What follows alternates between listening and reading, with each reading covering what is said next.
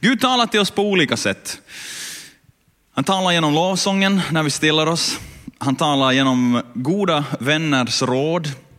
Han kan prata rakt till dig ibland, och, men framförallt, kanske allra tydligast, så pratar han till oss, talar han till oss genom skriften, genom Bibeln. Om inte vi skulle haft Bibeln som berättar om vem Gud är, som berättar om vem Jesus är, så skulle vi inte fatta. Det skulle vara omöjligt för oss att förstå hurudan Gud är. Vi kanske ska kunna lista ut att det finns en Gud, med hurudan han är och att allt handlar om nåd. Att han är en, att han är en far som längtar efter sina barn, att hans famn är öppen och att vi är välkomna hem.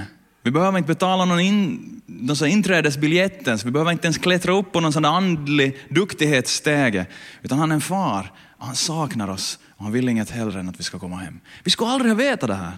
Om inte Jesus skulle ha kommit hit, om inte vi skulle ha Bibeln som ska berätta om det idag.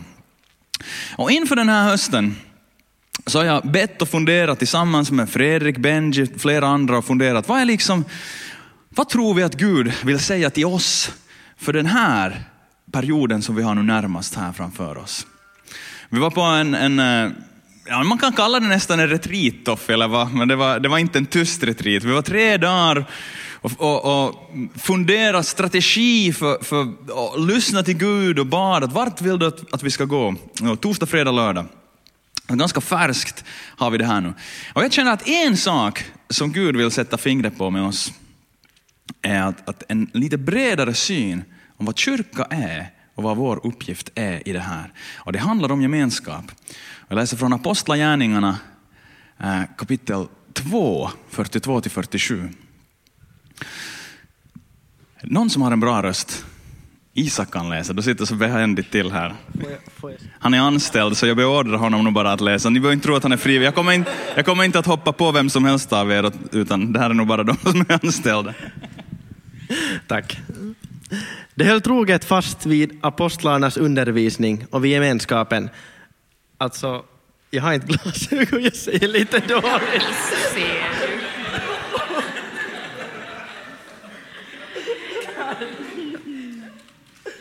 Brödsbrytelsen och bönerna. Varje dag var de troget och enigt tillsammans i templet och i hemmen bröt de bröd och delade måltid med varandra i jublande innerlig glädje. De prisade Gud och var omtyckta av hela folket, och Herren ökade vardagsskaran med dem som blev frälsta. Ika, också Isak.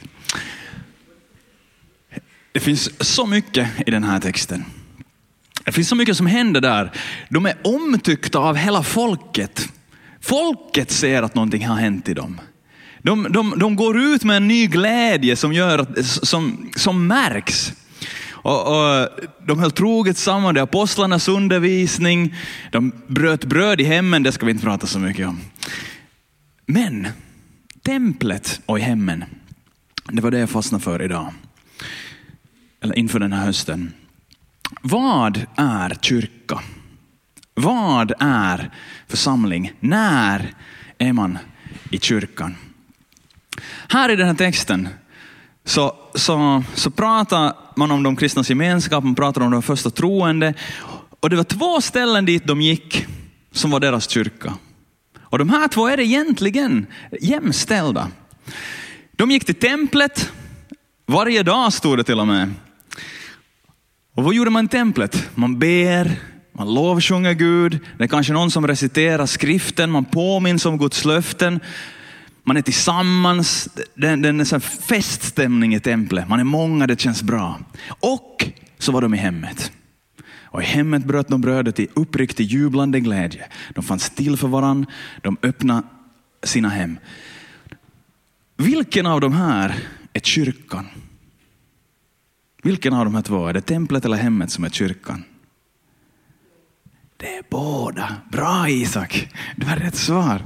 Båda de här är kyrka. Och båda de här är på något sätt jämställda i vikt, i betydelse. De är jämställda i hur riktiga kyrkor de är. Och de stärker varann. De står inte emot varann. Vissa av oss gillar att vara på en, äh, många tillsammans lovsjunga, få undervisning. Vissa tycker mest om det. Andra tycker mest om att vara hemma. Det känns bra. Det känns meningsfullt när man är fem, sex, sju personer man får faktiskt dela livet på djupet. Då är det på riktigt. Men frågan är alltså inte här vilket är mest på riktigt och vilket är viktigast. Utan poängen är att de här är båda lika riktiga kyrkor. Okej, en kort liten um, tanke här nu då för er. Ni får vända er till varandra två och två. Om du är ny här så ber jag om ursäkt om det här är super awkward. Vi lovar att de är snälla de du sitter bredvid. Vi hoppas i alla fall det. Två minuter. Lite som dina egna tankar. Vad, vad är det som templet inte riktigt kan göra? Vad funkar templet inte för? Vad får man inte i templet? Okej, varsågoda. Två minuter. Jo, jo, jo. Toffe, toffe, förtydligande alltså. Det är alltså kyrka, stor kyrka jag menar, när man är här. Vad funkar den aspekten av kyrka inte så bra för?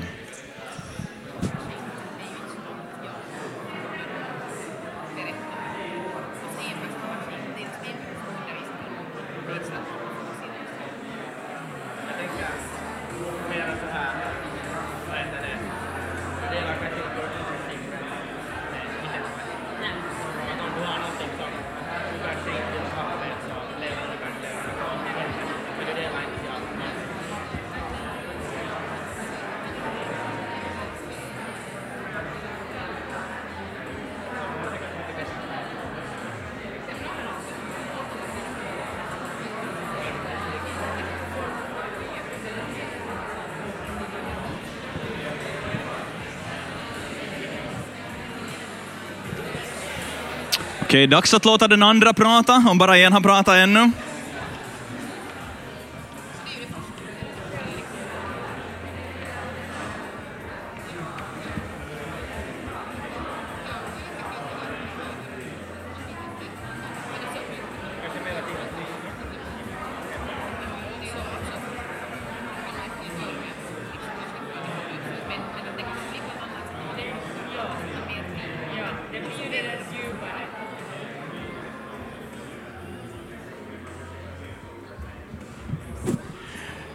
Okej, ni kan komma, börja komma in för landning där. Några tankar. Vad kan templet inte göra? Alltså, som Toffe bad om förtydligande, alltså templet menar alltså den här stora samlingen, när vi är många tillsammans. Och hemmet är när vi är få tillsammans. Det behöver inte vara ett hem, det behöver inte vara en kyrka, men det är många och få. Det kan vara på ett café, det kan vara på en parkbänk, det kan vara på en picknick. Men när vi är många, när vi är få. Okej, vad kan den här stora samlingen inte riktigt göra? Johanna? Allas gåvor kan inte komma till sin rätt. Här kommer några gåvor till sin rätt. Några är och spelar, några sköter tekniken, några talar, men alla kan inte. Men i hemmet kan de. Mera. Vad kan templet inte göra? Inte alla på en gång, hej. Robin. Man är inte närvarande i vardagen, precis. Hur vi än gör här så blir det inte riktigt vardagen då. Eh, hemmet är närmare vår vardag, där vi möter kompisar, där vi tänker på skolgrejer och sånt. Absolut. Vissa saker så kan templet inte göra på samma sätt. Och är det någon som eh, känner igen de här filurerna?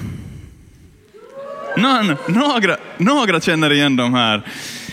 Det här är, de här är röstade till det här, det här mest, det är den bästa comedy cast, alltså bästa um, vad ska man säga, besättningen i en, i en komediserie någonsin.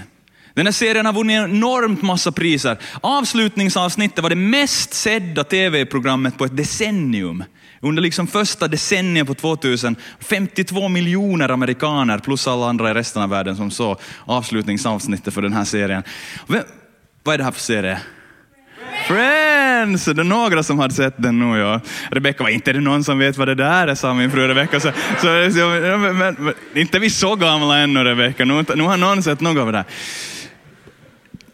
Sociologer har kollat på den här serien och sagt att det sällan har en serie så tydligt markerat ett skifte alla komediserier innan det här handlar ofta om familjer, det är sådär lite Cosby, man bor i ett hus, det är mamma och en pappa. Och nu är det plötsligt här ett gäng ungdomar som på något sätt klarar sig själva. Och måste klara sig själva. De bor i en lägenhet, de bor i stan och de söker sig till varann.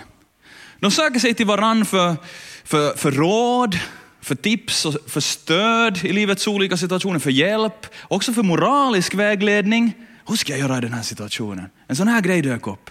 Och egentligen, på ytan, så är det en jätteintressant serie, för den handlar om så väldigt lite på ett sätt. Det är liksom inga, jag orkar riktigt aldrig riktigt med den, det är inga liksom utomjordingar som anfaller och det är inga terrorister och inga bomber som ska desarmeras. Det är liksom vanliga människor som tar sig genom sin vardag tillsammans. Det finns alltid en soffa dit man är välkommen. Det finns ett kylskåp dit du alltid är välkommen. Det finns människor som är där för att lyssna till dig, som vill höra vad som har hänt i ditt liv, i din dag. Och den här enkla grejen, att det finns en soffa, det finns ett kylskåp, det finns ett vardagsrum, det finns en grupp människor som vill lyssna på mig. Det är så attraktivt att det här är en av världens, genom tiderna mest populära serier. Man ville se de här unga människorna ta sig igenom sitt helt vanliga liv och man ville se dem göra det tillsammans. Det skulle inte vara stora, jobbiga, dramatiska konflikter. Och efter den här serien, ni sa, den här serien var ett brytningsskede, före och efter. Och det lämnar inte med det. De här serierna är ju liksom, alla är ju en kopia, inte en kopia riktigt, den här ena är äldre, men den handlar om en annan ålders människor. Men det här, alla de här är samma serie. Är det någon som känner igen vilken serie där uppe i hörnet? Himum, Seinfeld, Big Bang Theory. Alla de här serierna är samma serie. Det handlar om en grupp människor som träffas på ett café, på en pub, eh, på en sån här diner, i en skolmatsal. Och så träffas de i någons vardagsrum, i en soffa. Och de lever sitt vanliga liv och de lever det tillsammans. Och de stöder varandra och de eh, ger varandra moralisk vägledning. Och det här är attraktivt. Folk vill ha det, folk drömmer om det här. Samtidigt så vet vi, statistiken visar att nästan ingen lever. Äh, nästan ingen får det här. Folk, folk lånar det för att de vill ha det. Idag, i vår värld, så håller ensamhet på att, att bli en jättestor grej. Jag kollar lite statistik här och 60 procent av hushållen i Helsingfors är ensamhushåll. 60 procent är ensamhushåll. Uh, vi skulle skicka ut höstinfo, det finns att ta där också, Petrus höstbroschyr. Vi har 6800 medlemmar och vi skickar ut den här broschyren till 4551 hushåll. Otroligt få hushåll som har fler än en person. Och det är inte bara studerande och gamla. Den vanligaste åldersgruppen som lever ensam i Helsingfors idag är 45 till 64. Alltså fortfarande arbetsför ålder. Skilsmässor har ökat, samhället har förändrats, människor lever längre än förr, folk vill gärna bo i en etta, många också. Det bidrar till att många, många bor själva. Och någonting i det här blir, um, någonting i det här att se en grupp människor som älskar varann blir plötsligt jätteattraktivt. Tänk att ha sådana vänner som som Rachel och Joey de hade. Tänk att ha sådana vänner som de har i Big Bang. Tänk att höra hemma någonstans. Tänk att vara älskad någonstans. Och vi som är kristna, vi vet att det finns ett stor risk i den här ensamhet också. Ehm, en av djävulens största lögner till dig är att det är tänkt att du ska gå det här livet ensam. Det är tänkt att du ska kämpa den här kampen som kristen ensam. Det är en lögn, och det är inte sant. Djävulen går omkring som ett rytande lejon, säger Petrus. Han eh, var inte rädd att vara dramatisk, Petrus. Vi känner honom. Söker efter någon att sluka. Ni vet vad jag brukar säga. Vilka antiloper är det som lejonen tar? Det är de ensamma som kommer där sist, som inte är en del av flocken. Gud har en annan dröm för oss. Gud har en annan dröm för oss än att vi ska gå ensamma vara utsatta, tappa tron, bli uppätna av lejonen. Guds dröm för oss kallas koinonia i Bibeln på grekiska. Det översätts gemenskap för det mesta. Men eh, det är ett brett begrepp så det översätts ibland också med att dela, vara delaktig. Till och med att, att gemensamt samla ihop till en gåva kan också vara koinonia. Att dela på någonting, att delta i någonting, att vara en del av någonting men även ge bidrag till eh, en gemensam gåva, gemensam insamling. Det finns jättefin symbolik i det här. Det är inte bara en plats du kommer till där du hör hemma, en koinonia, en gemenskap. Det är en plats dit du också har någonting att ge när du kommer. Den platsen blir till för att ditt bidrag är med. Det är när ni tillsammans, 6, 7, 10 pers, när ni lägger det ni har i en hög, då blir det det som det ska bli. Då blir det koinonia. Utan dig är det mindre. Utan de andra och dig tillsammans så finns det inte alls. Det här, det här ordet, det här termen, det här som Jesus lyfter fram för oss är någonting som jag tror vi behöver fundera och upptäcka den här hösten. Vad är det? Jesus visar oss ett annat sätt att leva. Han säger, jag har, ett, jag har en annan väg att gå. Jag säger inte det som världen säger. Om ni följer mig, så här finns några grejer som jag vill lyfta fram. Och Jesus lyfter fram flera saker. Det handlar om vårt liv, det handlar om våra värderingar, vårt sätt att se på oss själva, vårt sätt att se på andra, våra pengar, våra relationer. Men det handlar också om det här. Jesus lyfter fram, det liv som jag har för er är inte ett liv i ensamhet. Det liv jag har för er är att ni gör det här tillsammans. Och hur gör vi det och hur ser det ut? En kyrka som är en helt riktig kyrka, som är i ditt hem. En kyrka som inte bara är med en orgel, man måste inte ha en orgel. Det var en, eh, en, eh, en präst i England som, som blev biskop sen, så han, han var missionär i Sydafrika. Och så, så kom det några så lokalbefolkning till honom och sa, vi drömmer om att starta en kyrka. Jaha, okej, okay, var ska ni ha den då? Kom med och se, vi ska här. Så visade de ett sådär skjul som de hade, så plåttak och så, här ska vi ha vår kyrka. Han bara, men var ska de ha orgeln? och han sa, det var helt ärligt, han tänkte så. så. Jag var ganska ny missionär i det skedet. Han blev sen en stor väckelseledare. Den helige ande fick tag i honom. Men, men det behövs alltså inte en orgel. En kyrka dit du kan ta dina vänner. Där de blir sedda, hörda, älskade. Jag vet inte om man kan bli här sedd och hörd och älskad. Jag hoppas att flera av er känner er sedda och hörda och älskade. Men när vi är många så funkar det annorlunda. Men i, det, i kyrkan, det finns kyrkan här och det finns kyrkan i ditt hem. Båda två är riktiga kyrkor. Och kyrkan i ditt hem kan göra saker som den här kyrkan aldrig kan. Kyrkan i ditt hem kan se dem, höra på dem, kan älska dem. Uppmuntran och inspiration, upptäcka sina gåvor, vad Gud kallar dem till. Men du är bra på det här. Ja, absolut, jag tror att du skulle kunna göra stora grejer inom det här. Våga, testa. I kyrkan i ditt hem kan vem som helst få prova hålla en andakt, dela en tanke. I kyrkan i ditt hem kan vem som helst få prova spela lite gitarr, leda en lovsång. Det är svårt att stiga hit direkt, man måste vara cool och tuff som Oskar. I kyrkan i ditt hem så får vi alla vara med på något sätt. Dina gåvor kan få komma fram. De får växa som hans efterföljare, de får öva sig att be till och lyssna till Gud. De får höra hem. Här är den här soffan nu. Det finns någonting som är så, vi tänker ibland, vad har vi att ge?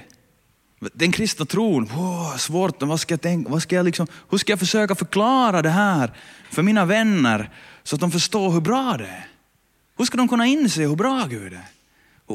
Vilken, vilken värdefull sak att få gå sitt liv och stå på Bibeln. Hur ska jag kunna visa det och förklara det? Men när de ser kyrkan i ditt hem, när de ser din soffa, ditt vardagsrum, ditt kylskåp, när de får vara en del av den gemenskap som samlar där, då fattar de mycket på en gång. Utan att du behöver förklara något så ser de, det här är bra, det här är riktigt bra. Det här längtar jag efter. Och när de inte bara ser er, utan när ni då runt ert lilla bord där vänder er och säger, hej, kul att du är här, kom med, vad är på gång i ditt liv? Vad roligt att du är en del av vår gemenskap. När de känner det, att ni välkomnar dem in, så finns det en, en predikan i det, i det som ingen här framifrån skulle kunna hålla. Det finns inget som jag, eller Benji eller Fredrik skulle kunna säga här uppifrån som skulle tala så starkt in i deras hjärta som när era ansikten, du och dina vänners ansikten vänds mot dem och bjuder dem in. De får öva sig i att ta sin plats i Guds kallelse och plan. Att lyssna till Gud, att läsa Bibeln, att be för varandra. Okej, okay, varför ska vi göra det här då? Några poänger, snabbt och enkelt. För det första, tro föds i gemenskap med andra. Jag har aldrig, nästan aldrig hört om någon människa i hela världens historia som ska komma till tro ensam i öknen. Det är väldigt ovanligt, väldigt ovanligt, Johanna kommer direkt att tänka på någon kanske, men väldigt, ja. Exakt, det händer. Men det är inte det normalaste, åtminstone inte i vår del av världen, att, att Jesus plötsligt visar sig för någon i deras vardagsrum och säger, hej förresten, det här är på riktigt. Men ja, man måste få höra det av någon. Hur ska de kunna åkalla den som de inte har kommit till tro på? Hur ska de kunna tro på den som de inte har hört? Hur ska de kunna höra om ingen predikar? Det måste finnas någon som berättar, och idag i vår tid så kommer de allra flesta kommer inte att gå in hit och höra någon här framifrån predika, utan de kommer att höra dig och dina kompisar berätta om vem Gud är i ditt liv, hur han ser ut, vad det betyder för dig att följa honom. Tron växer i gemenskap med andra. Tron föds i gemenskap med andra, tron växer i gemenskap med andra. Ni är ett utvalt släkte, kungar och präster, ett heligt folk. Guds eget folk som ska förkunna hans storverk. Han har kallat er från mörkret till sitt underbara ljus. Ibland så har vi en alldeles för individuell syn på tro, eh, särskilt i vårt sammanhang, det här lutherska sammanhanget som är min bakgrund och som jag kommer ifrån. Det handlar väldigt ofta om jag, arma fattig syndare, Jesus frälser mig, jag kommer till himlen. Otroligt smalt perspektiv på något sätt. Och det är inte det sätt på vilket Bibeln pratar om det här livet. Det är sant, allt det där är sant. Jag är bristfällig och jag har ingen rätt att komma till himlen. Och Jesus var helt nödvändig för att jag ska en dag kunna se Fadern ansikte mot ansikte. Det går ingen annan väg. Det är nödvändigt att Jesus gav sitt liv för mig. Men det här livet här, och när, när Bibeln talar till oss som församling så talar den om er. Gud ut, utrustar församlingen tillsammans med gåvor. Gud utrustar församlingen till herdar, profeter, lärare, apostlar. Gud utrustar församlingen med de andliga gåvorna. Som, så att vi som grupp ska kunna genomföra det som Gud kallar oss till. Och det går inte utan, det är det här lejonet igen. Om du försöker, jag säger det än en gång så det blir, åtminstone det här blir tydligt från den här söndagen.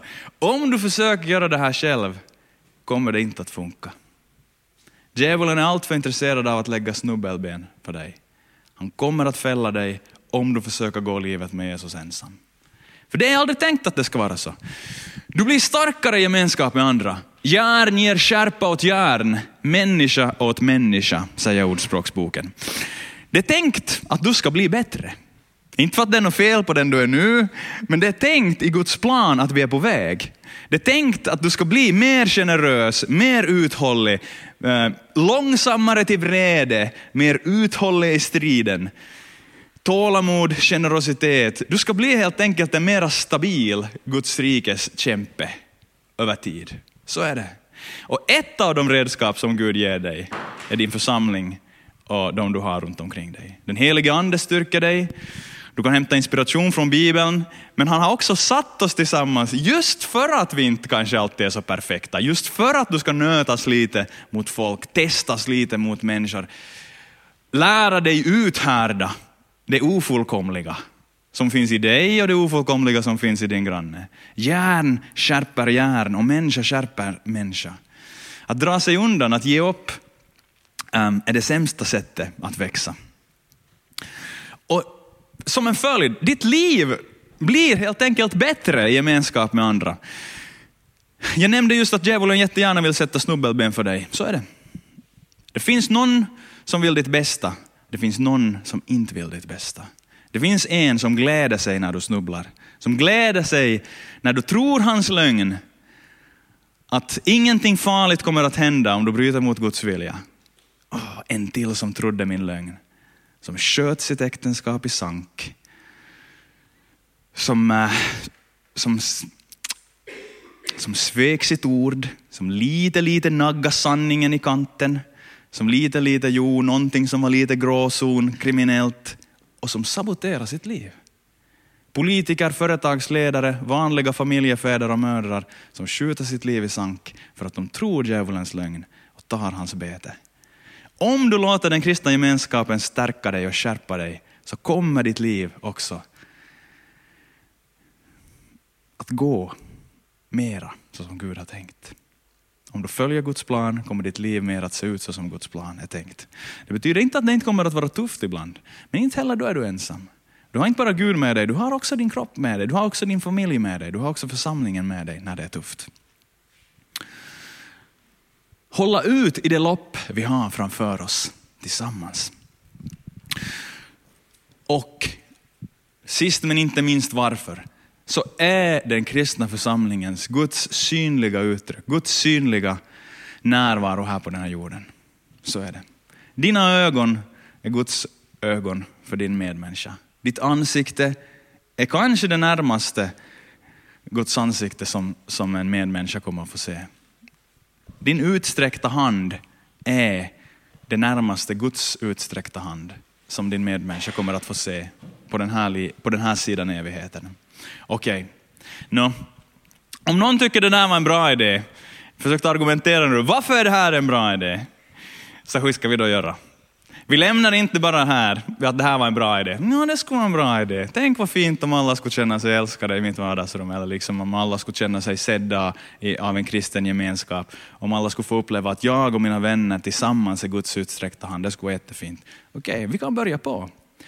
För det första, bry dig om andra på riktigt. Bara ta ett beslut att ditt liv inte handlar om dig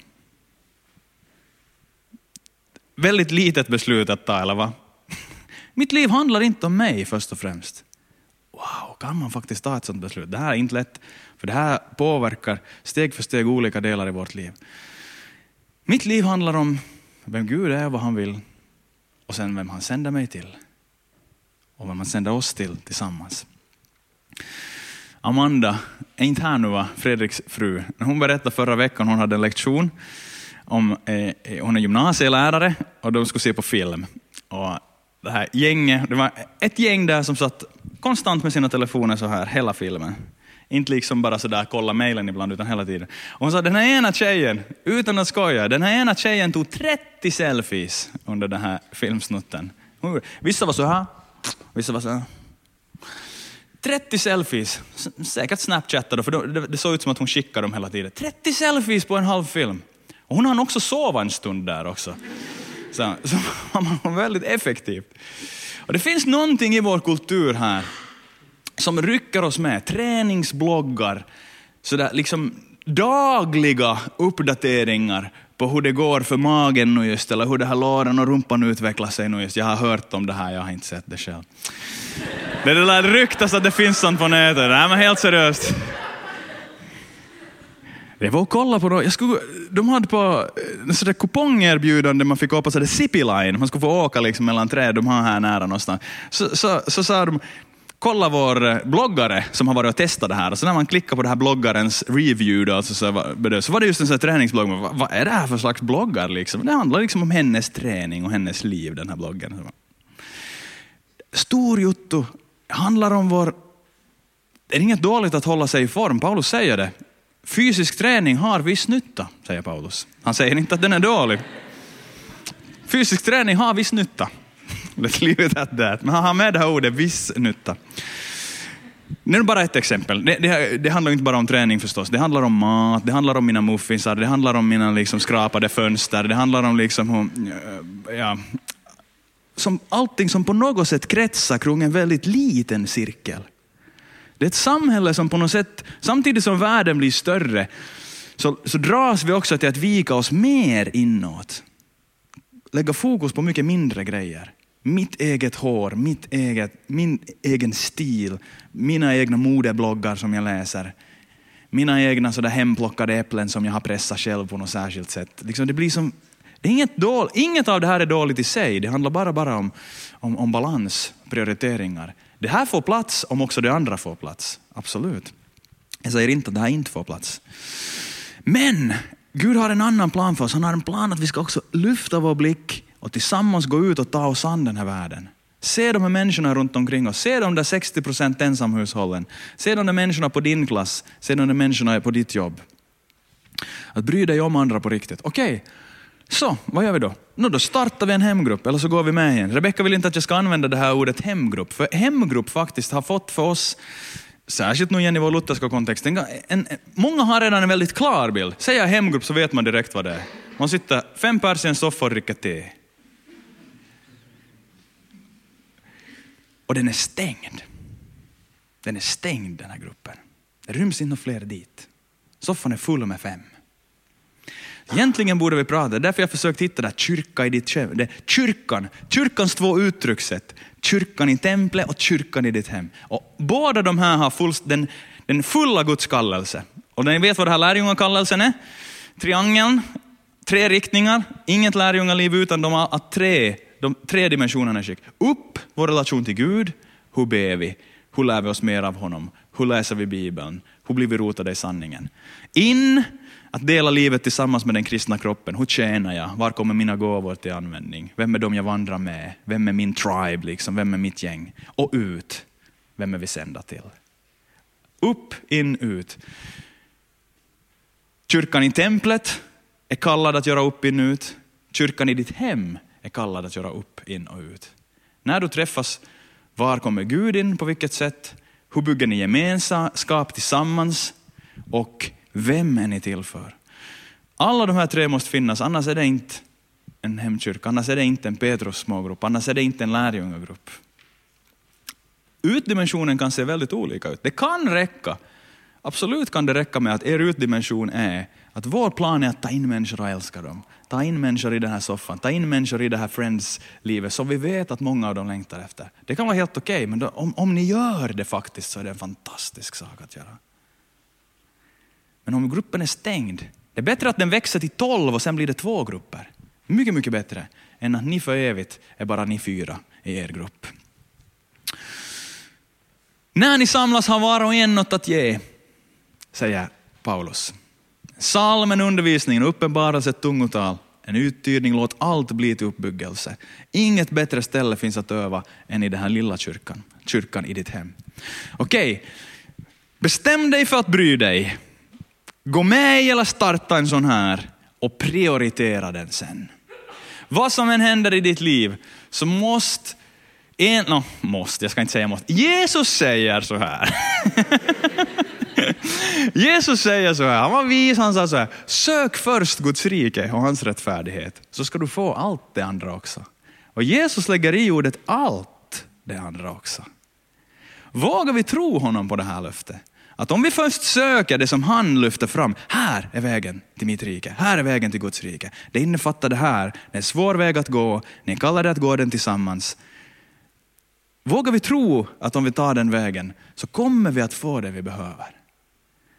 Bergspredikan, oroa er inte så mycket för kläderna, oroa er inte så mycket för maten, oroa er inte så mycket för vad som ska hända. Gud ser nog er.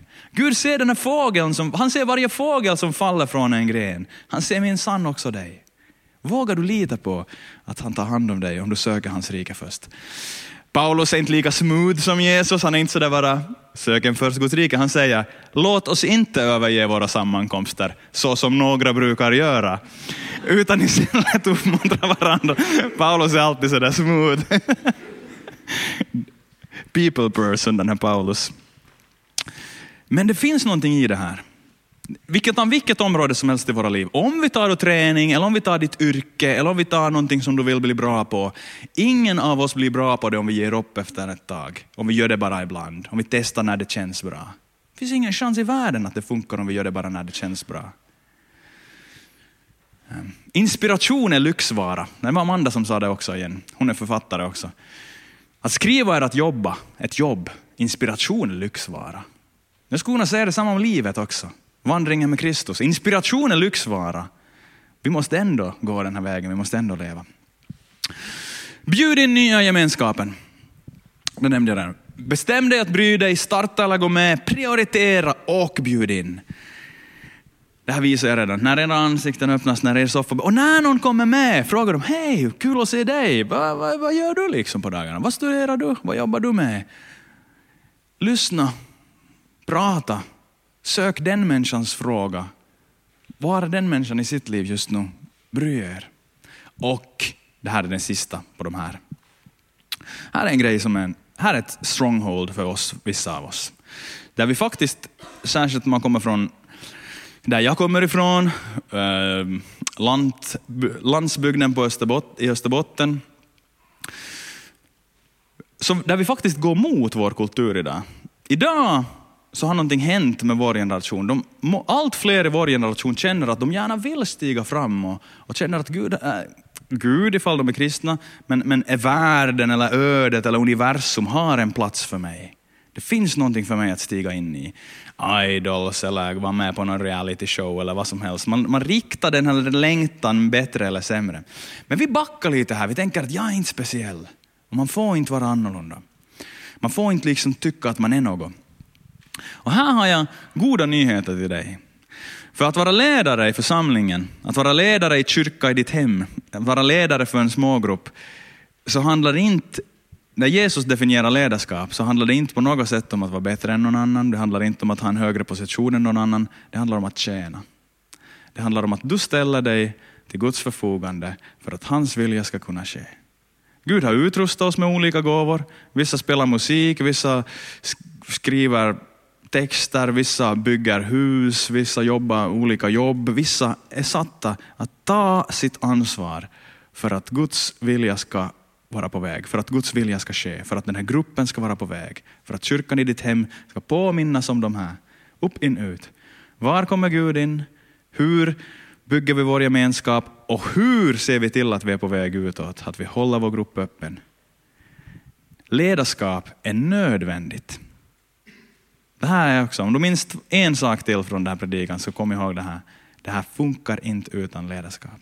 Det går inte att vi bara så hoppas på det bästa och gör det tillsammans. Alla ska vara med, men någon behöver ta det här ansvaret. Inte bara en person, kanske någon tillsammans. Vi tar ansvar för att det här blir av. Vi tar ansvar för att det här ska bli en bra grupp. Och det är viktigt, men nästan ännu viktigare. Vad gör då resten av gruppen? Då bemyndigar de det, ansvar, det ledaransvaret. Ledarskap kommer alltid underifrån. Om du inte har en vision, en så stark vision som du känner att hej, det här vill jag göra, det här brinner jag för, så då ska du stödja någon annans vision. Det finns bara två sätt att vara eh, i det här i Guds rike. Antingen så har du din vision som du känner att du förverkligar tillsammans med andra, eller så stöder du någon annan i deras vision. Ingen av oss är ensamvargare i det här. Det handlar, jag hörde en jättebra ledarskapskonsult som pratade om det här, att han i många, många år så reste han runt i företag och pratade med ledarna om ledarskap åt cheferna. Hur ska du vara en bra ledare? Hur ska du som chef liksom få fram det bästa ur dina... Och de räckte aldrig någonsin till. Fast ingen chans att de där ledarna ska kunna bli så bra. Istället han nu är helt ändrad, Så nu reser han runt och så föreläser han för hela arbetslaget om, om, om anställdaskap eller om, om, om efterföljarskap. Hur är jag en god efterföljare? Hur kommunicerar jag med min chef? Hur tar jag mitt ansvar för det jag ser? Hur bygger vi tillsammans upp det här, den här organisationen så att den är på väg? Och här finns en jätteintressant fråga till oss. Hur bra är vi på att följa? Inte bara hur bra är vi på att leda, hur bra är vi på att följa? Hur bra är vi på att följa en ledare? Så att Guds vilja ska ske. Det är det som hela tiden är poängen här. Det är inte poängen att någon är bättre eller någon är högre. Din grupp behöver ledarskap. Kroppen har många lemmar. Alla lemmarna har inte samma uppgift. Vi har olika gåvor efter den nåd vi fått. Och så räknar Paulus upp många, bland annat. En gåva från Gud är att vara hängiven som ledare. Det är något som Gud ger dig som en gåva, som en, som en uppgift och som ett uppdrag. Okej, okay. vi ska komma in för landning där. Var landar det här nu just i ditt liv? Har du en grupp som du känner att den skulle kunna vara mer? Eller har du ännu inte en grupp?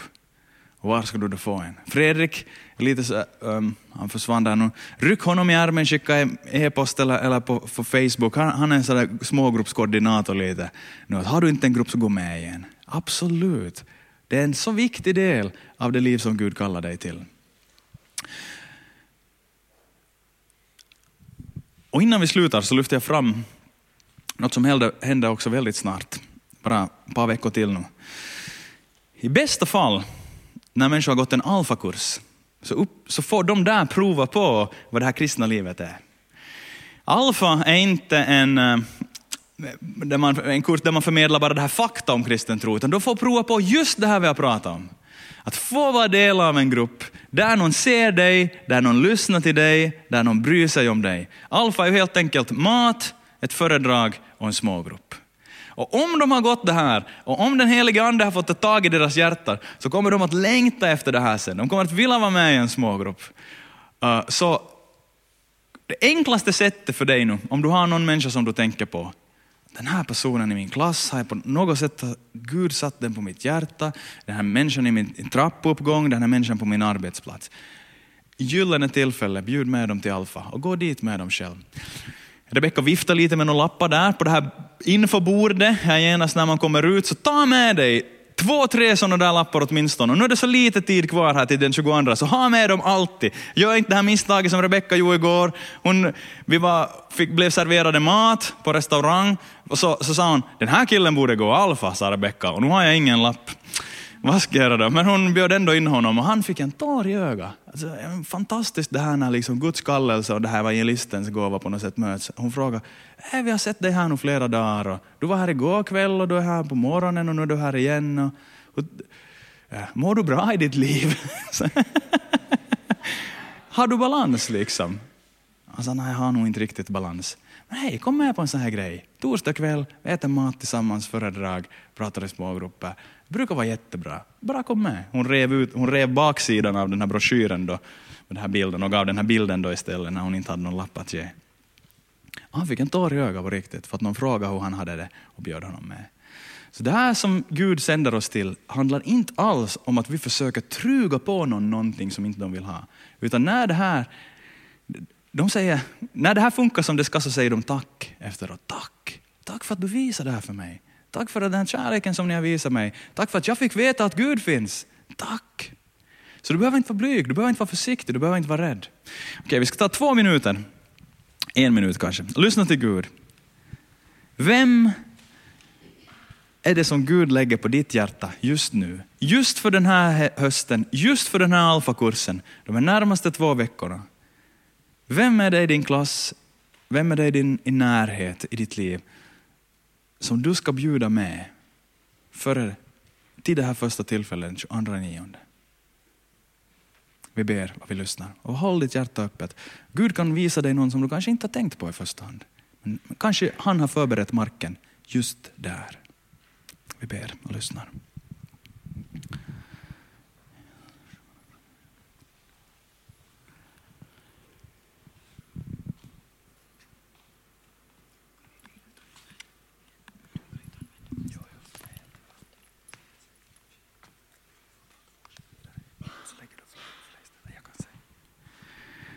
Rebecka skickar de här lapparna, så du kan ta två eller tre och skicka vidare bunten här när den kommer.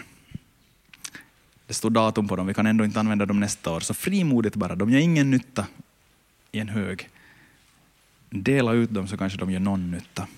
Vår anslagstavla till en kompis.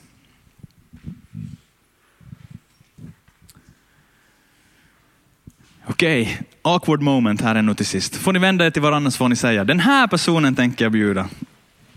Kanske. Och, på, och så här ska jag göra det. Varsågoda, jag är seriös. En minut.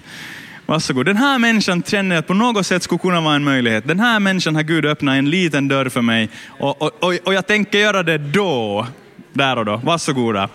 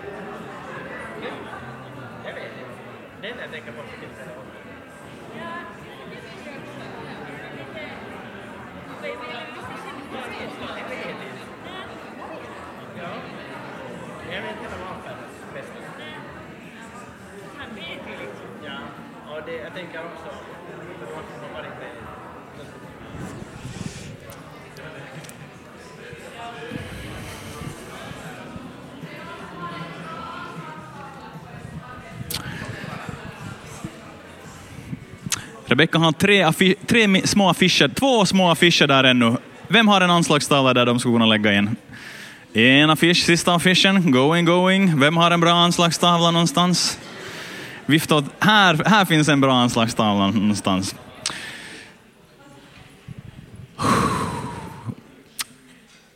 Vi ska komma inför Gud. Vi får lovsjunga till honom. Ah, vi räcker inte till som människor, men han räcker. Vad du än har framför dig, vad du än står inför den här hösten, så räcker Gud till för det, även om du inte gör det. Vi reser oss upp och vi ska lovsjunga Gud.